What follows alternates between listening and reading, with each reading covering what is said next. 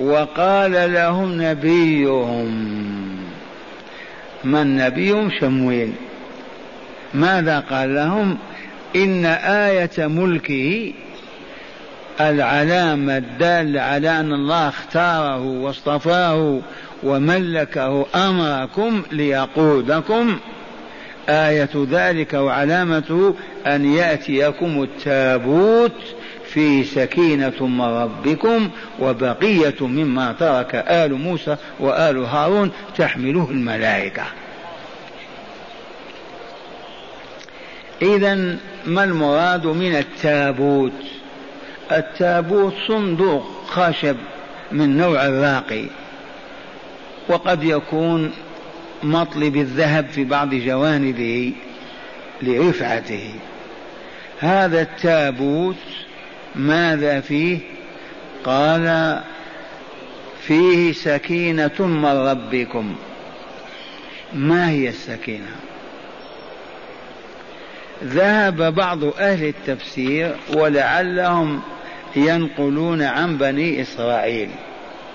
قالوا في السكينة إنها حيوان كالهر له جناحان وذنب كال كال كال كالقط كالهر ولعينيه شعاع إلى آخر ما وصفوا بهذا. وهذا مروي عن بعض المفسرين كمجاهد ومجاهد أهل ذلك لكن ما دام مروي عن بني إسرائيل قد تكون خرافة. وعليه فالسكينة بين لنا الرسول السكينة. أما قال للذي كان يقرأ سورة الكهف وقد ربط فرسه في شجرة وإذا بريح تلف حول حوله وشردت الفرس وأخبر النبي صلى الله عليه وسلم أنه حصل وكذا وكذا قال تلك السكينة جاءت لسماع القرآن. ما لك وحديثنا الذي نعيده أما قال إلا نزلت عليهم السكينة ملك. سكننا وجعلنا هذه ساكنين. إذا والسكينة الهدوء والطمأنينة والاستقرار وعدم الاضطراب وعدم الخوف وعدم القلق. إذا فهذا التابوت ماذا قال تعالى؟ فيه سكينة من ربكم أي لقلوبكم. بمجرد ما يوجد هذا التابوت بينكم تهدأ نفوسكم وتسكن وتطمئن بسبب هذا التابوت الذي يحوي من الآثار كذا وكذا وكذا. وبقية مما ترك آل موسى. فيه عصا موسى فيه نعله فيه التوراة التي أخذت منهم. فيه آثار من هارون. هذه كانت مجموعة في صندوق مطلب الذهب. وكانوا يعتزون بها إذا وجدت فيهم سكنت نفوسهم. هذا هذه هذا التابوت لما استولى عليهم العمالقة أخذوه إلى ديارهم.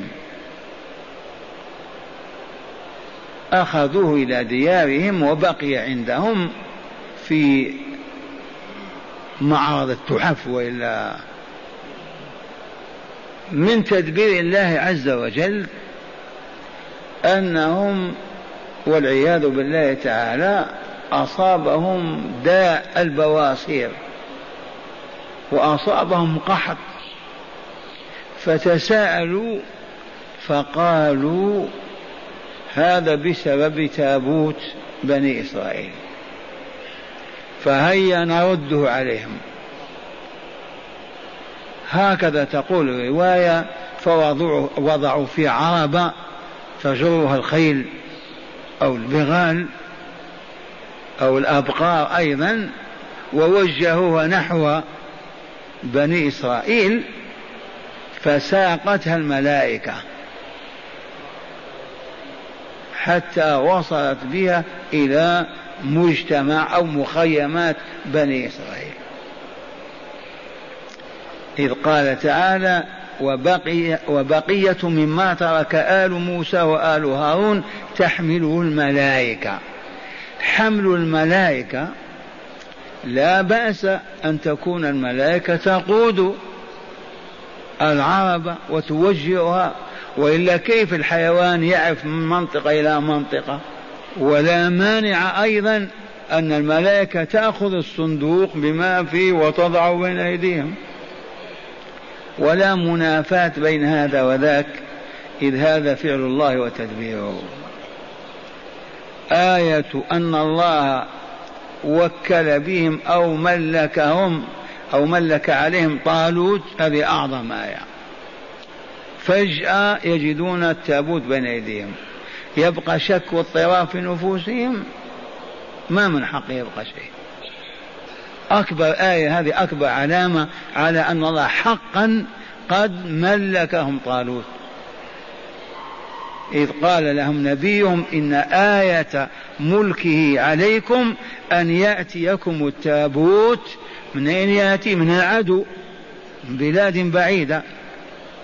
فيه سكينة من ربكم بمجرد ما يقع بينكم تسكن نفوسكم وتهدأ القلوب وتنتهي المخاوف وينتهي الهزائم المعنوية لوجود هذه البركة. لأن هذا التابوت فيه آثار موسى وهارون. منها العصا منها نعل من نعالهم ثوب من ثيابهم آثارهم.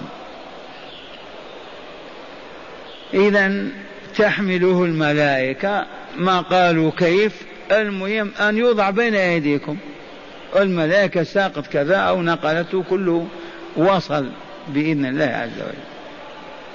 وتدبيره إن في ذلك لآية لكم إن كنتم مؤمنين. وإذا كنتم كافرين لا تؤمنون بالله ولا بآياته ماذا نصنع؟ وهذه والله لأكبر آية.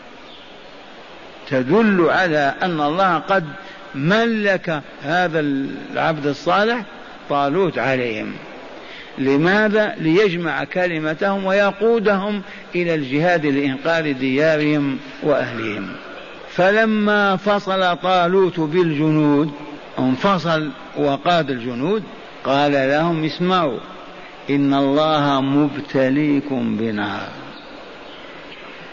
مختبركم ممتحنكم لأنكم أخلاق امتحان بنهر في شدة القيض وشدة العطش. وقيل هذا النهر ونهر الأردن انتبهوا فمن شرب منه فليس مني. ومن فمن شرب منه فليس مني اللهم إلا من اغترف غرف بيده. أطفأ بها لهب العطش. إذا ومشوا الجيش بقيادة الملك طالوت عليه السلام بعد يوم يومين ثلاثة واصلوا إلى دائرة الامتحان وكانوا عطاش. ما إن وصلوا إلى النار حتى أكبوا عليه. يكرعون وناسوا ما أخذ عليهم من العهد إذا فشربوا منه إلا قليلا منهم. بين لنا النبي صلى الله عليه وسلم هذا القليل ثلاثمائة وثلاثة عشر وأربعة عشر أو ثلاثة عشر على خلاف. على عدة قوم بدر أصحاب بدر الذين خرجوا مع رسول الله صلى الله عليه وسلم إلى عير أبي سفيان وكتب الله القتال وجمع بينهم في بدر كانوا ثلاثمائة وأربعة عشر رجلا. قال الرسول صلى الله عليه وسلم على عدة قوم طالوت وبينهم قرون عديدة. إذا فلما جاوزه الذين آمنوا معه قالوا لا طاقة لنا اليوم بجالوت وجنوده. لما جاوزوا النهر وشربوا وقربت المواجهة قالوا لا طاقة لنا اليوم بجالوت وجنوده. ما نستطيع هذه الهزيمة. إذا وقال الذين يظنون أنهم ملاقوا الله هم المؤمنون الموقنون. وعبر بالظن عن اليقين لأنه غيب. ما هو مشاهدة؟ فيعبر عنه بالظن والمراد به اليقين. وقال الذين يظنون أنهم ملاقوا الله هم الذين يؤمنون بلقاء الله بعد الموت ويوم البعث والنشور. أي المؤمنون بلقاء الله باليوم الآخر. ما هم ملاحدة ولا كفار ولا مشركين. ماذا قالوا؟ كم من فئة قليلة غلبت فئة كثيرة بإذن الله. والله مع الصابرين. علماء علماء ولهذا عبروا بهذا التعبير نور إيمانهم ومعرفتهم. ليسوا كأولئك رعاع. السفلة. ثبتوا نقاتل كم من فئة قليلة في التاريخ غلبت فئة كثيرة بإذن الله. والله مع الصابرين الذين يثبتون على طاعته وطاعة القيادة ويقاتلون من أجل الله ومن أجل الله كلمته. هذه نسرد الآن ما جاء في التفسير لما فيه من العلم الكثير. إذا معنى الآيات لقد فرض الله تعالى على المؤمنين القتال. لقد فرض الله تعالى على المؤمنين القتال. منا أيها المؤمنون ودارت رحى المعارك بداية من معركة بدر وكان لا بد من المال والرجال الأبطال الشجعان. فاقتضى هذا الموقف شحذ الهمم وإلهاب المشاعر لتقوى الجماعة المسلمة بالمدينة على مواجهة حرب العرب والعجم معها. ومن هنا لمطاردة الجبن والخوف وهما من شر الصفات فالرجال ذكر تعالى حادثة الفارين من الموت. ألم تر الذين خرجوا من ديارهم التاركين ديارهم لغيرهم كيف أماتهم الله ولم ين ولم ينجهم فرارهم ثم أحياهم ليكون ذلك عبرة لهم ولغيرهم فالفرار من الموت لا يجدي وإنما يجدي الصبر والصمود حتى النصر ثم أمر تعالى المؤمنين بعد أن أخذ ذلك المنظر من نفوسهم ما أخذه فقال وقاتلوا في سبيل الله. ولما كان المال المقدم في القتال فتح الله لهم اكتتابا ماليا وضاعف لهم الربح في القرض بشرط خلوصه وطيب النفس به.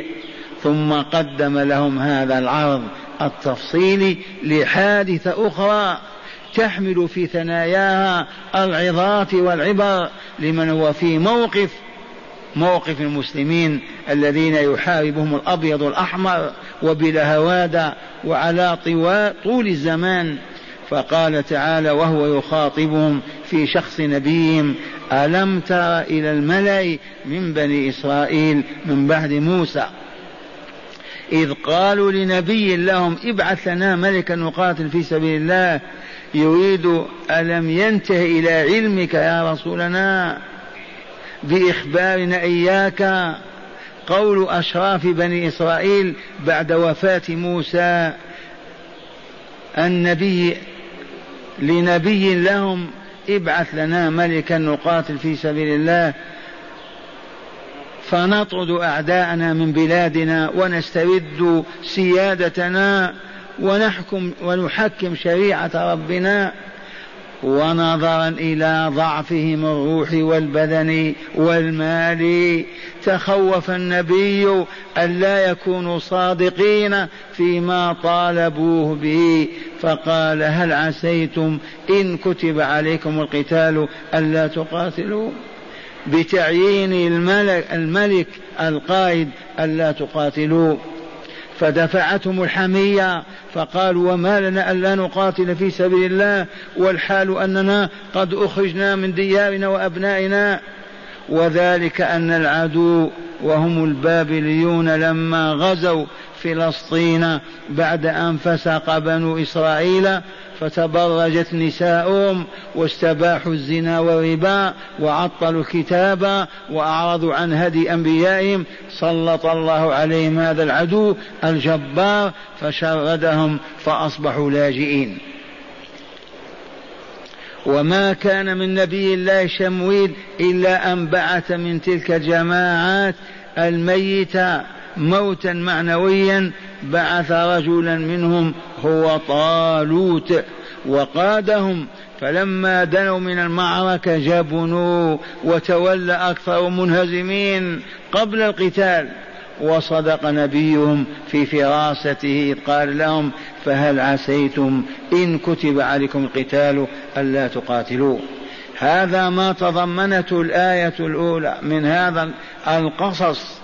أما الآية الثانية فقد تضمنت افتراض اعتراض ملأ بني إسرائيل على تعيين طالوت ملكا عليهم بحجة أنه فقير من أسرة غير شريفة وأنهم أحق بهذا المنصب منه ورد عليهم نبيهم حجتهم الباطلة بقوله إن الله اصطفاه عليكم.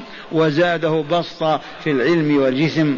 والله يؤتي ملكه من يشاء. والله واسع عليم.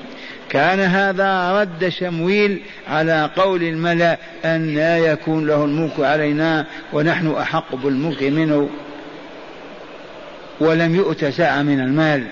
وكأنهم لما دمغتهم الحجة وهي أن الله تعالى قد اختار طالوت وفضله عليهم بهذا الاختيار وأهله للولاية بما أعطاه وزاده من العلم وقوة الجسم والقيادات القتالية تعتمد على غزارة العلم وقوة البدن بسلامة الحواس وشجاعة العقل والقلب. أقول كأنهم لما بطل اعتراضهم ورضوا بطالوت طالبوا على عادة بني إسرائيل في التعنت. طالبوا بآية تدل على أن الله حقا اختاره لقيادتهم. فقال لهم تعالى إن آية ملكه أن يأتيكم التابوت في سكينة من ربكم وبقية مما ترك آل موسى وآل هارون إن في ذلك لآية لكم إن كنتم مؤمنين. معنى هذه الآية قال قد أصبح بشرح الكلمات التي في هذا الدرس معنى الآية واضحا وخلاصته إذا أن شمويل النبي أعلمهم أن آية تمليك الله تعالى لطالوت عليهم أن يأتيهم التابوت المغصوب منهم. وهم وهو أي تبوت رمز تجمعهم واتحادهم ومصدر استمداد قوة معنوياتهم لما حواه من آثار آل موسى وآل هارون كرضاض الألواح وعصا موسى. الألواح التي تكسرت لما غضب موسى رمى بها تحطمت. كرضاض الألواح وعصا موسى ونعله وعمامة هارون وشيء من المن الذي كان ينزل عليهم في التيه أيام موسى. فكان هذا التابوت بمثابة الراية يقاتلون تحتها. فإنهم إذا خرجوا لقتال لقتال حملوه معهم إلى داخل المعركة. ولا يزالون يقاتلون ما بقي التابوت بأيديهم. لم يغلبهم عليه عدوهم. ومن هنا وهم يتحفزون للقتال. جعل الله تعالى لهم إتيان التابوت آية على تمليك طالوت عليهم. وفي نفس الوقت يحملونه معهم في قتالهم فتسكن به قلوبهم وتهدأ نفوسهم فيقاتلون وينتصرون بإذن الله تعالى. أما كيفية حمل الملائكة للتابوت فإن الأخبار تقول إن العمالقة تشاءموا بالتابوت عندهم إذ ابتلوا بمرض البواسير وبآفات زراعية وغيرها ففكروا في أن يردوا هذا التابوت لبني إسرائيل. وساق الله أقدارا لأقدار فجعلوه في عربة يجرها بقرتان أو فرسان ووجهوها إلى جهة منازل بني إسرائيل فمشت العربة فساقتها الملائكة حتى وصلت بها إلى منازل بني إسرائيل. فكانت آية وأعظم آية وقب وقبل بنو إسرائيل بقيادة طالوت. وبسم الله تعالى قادهم. وفي الآية التالية بيان السير إلى الساحة. بسم الله. قال إنه لما خرج طالوت بالجيش أخبرهم أن الله تعالى مختبرهم في سيرهم. أخبرهم أن الله تعالى ممتحنون في سيرهم هذا إلى قتال عدوهم ممتحنهم بنهر ينتهون إليه وهم في حر شديد وعطش شديد ولم يأذن لهم في الشرب منه إلا ما كان من غرفة واحدة. فمن أطاع ولم يشرب فهو المؤمن ومن عصى وشرب غير المو غير غير المأذون به فهو الكافر. ولما وصلوا إلى النهر شربوا منه يكرعون كالبهائم إلا قليلا منهم. وواصل طالوت السير فجاوزوا النهر هو فجاوز النهر هو ومن معه. ولما كانوا على مقربة من جيش العدو وكان قرابة مئة ألف. قال الكافرون والمنافقون لا طاقة لنا اليوم بجالوت وجنوده. فأعلنوا انهزامهم وتصر و... وانصرفوا فارين هاربين. وقال المؤمنون الصادقون وهم الذين قال الله فيهم وقال الذين يظنون أنهم ملاقوا ربهم. أنهم ملاقوا الله. قالوا كم من فئة قليلة غلبت فئة كثيرة بإذن الله والله مع الصابرين. كانت هذه الآية في بيان سير طالوت إلى العدو وفي الآيتين التاليتين بيان المعركة. ومن وما انتهت إليه من نصر من نصر حاسم للمؤمنين الصادقين. نأتي عليها هذه قصة عجيبة.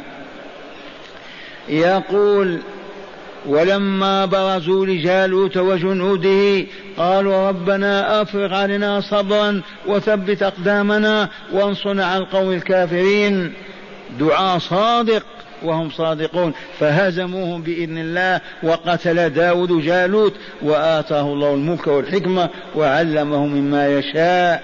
ولولا دفع الله ناس بعضهم ببعض لفسدت الأرض. ولكن الله ذو فضل العالمين. تلك آيات الله نتلو عليك بالحق وإنك لمن المرسلين. قال لما التقى الجيشان جيش الإيمان وجيش الكفر والطغيان. طالب جالوت بالمبارزة. جالوت الكافر. طالب جيش طالوت من يبارزنا؟ كانوا إذا اصطفت الصفوف يخرج بطل يقول من يقاتلني؟ وهذا على عهد الرسول كان شائعا. والآن انتهى لأن الرصاص والصاروخ. ولهذا الآن الجيوش كلها جبنة. ما في مواجهة. إذا طالب جالوت بالمبارزة فخرج له داود من جيش طالوت. داود هذا أبو سليمان الذي ملكه الله. فقتله والتحم الجيشان إذا انتهت المبارزة بقتل أحد المبارزين الآخر تلتقي. وهذا هذا البراز علة الإهاجة والإثارة. وأنتم تعرفون هذا من الكورة. والله تعرفون الكورة على شاشة التلفاز والناس يتمايلون. فهذا سر المبارزة الصفوف هنا وهناك. والمبارزة وهم يتحمسون. ما إن يسقط ويندفعون على بعضهم بعض. تدبير الله عز وجل. قال فنصر الله جيش طالوت وكان عدد أفراده ثلاثمائة وأربعة عشر مقاتلا لا غير. التحم الجيشان فنصر الله جيش طالوت الملك على بني إسرائيل وكان عدد أفراد جيشه ثلاثمائة وأربعة عشر مقاتلا لا غير. لقول الرسول الحبيب صلى الله عليه وسلم لأهل بدر إنكم على عدة أصحاب طالوت. بوحي الله يتلقاه. وكانوا ثلاثمائة وأربعة عشر رجلا فهزم الله جيش الباطل على كثرته ونصر جيش الحق على قلته. وهنا ظهر كوكب داود في الأفق. بقتله رأس الشر جالوت فمن الله عليه بالنبوة والملك بعد موت كل من النبي شمويل والملك طالوت عليهم السلام. قال تعالى وقتل داود جالوت وآتاه الله الملك والحكمة وعلمه مما يشاء. قال وختم الله قصة ذات العبر والعظات العظيمة. بقوله ولولا دفع الله الناس بعضهم ببعض. أي بالجهاد والقتال لاستولى أهل الكفر وأفسدوا الأرض بالظلم والشرك والمعاصي. أليس كذلك؟ إي والله العظيم. حتى لا تقول لما يأمر الله المؤمن أن يقاتلوا. قتالهم هذا لرفع الظلم وإحقاق الحق.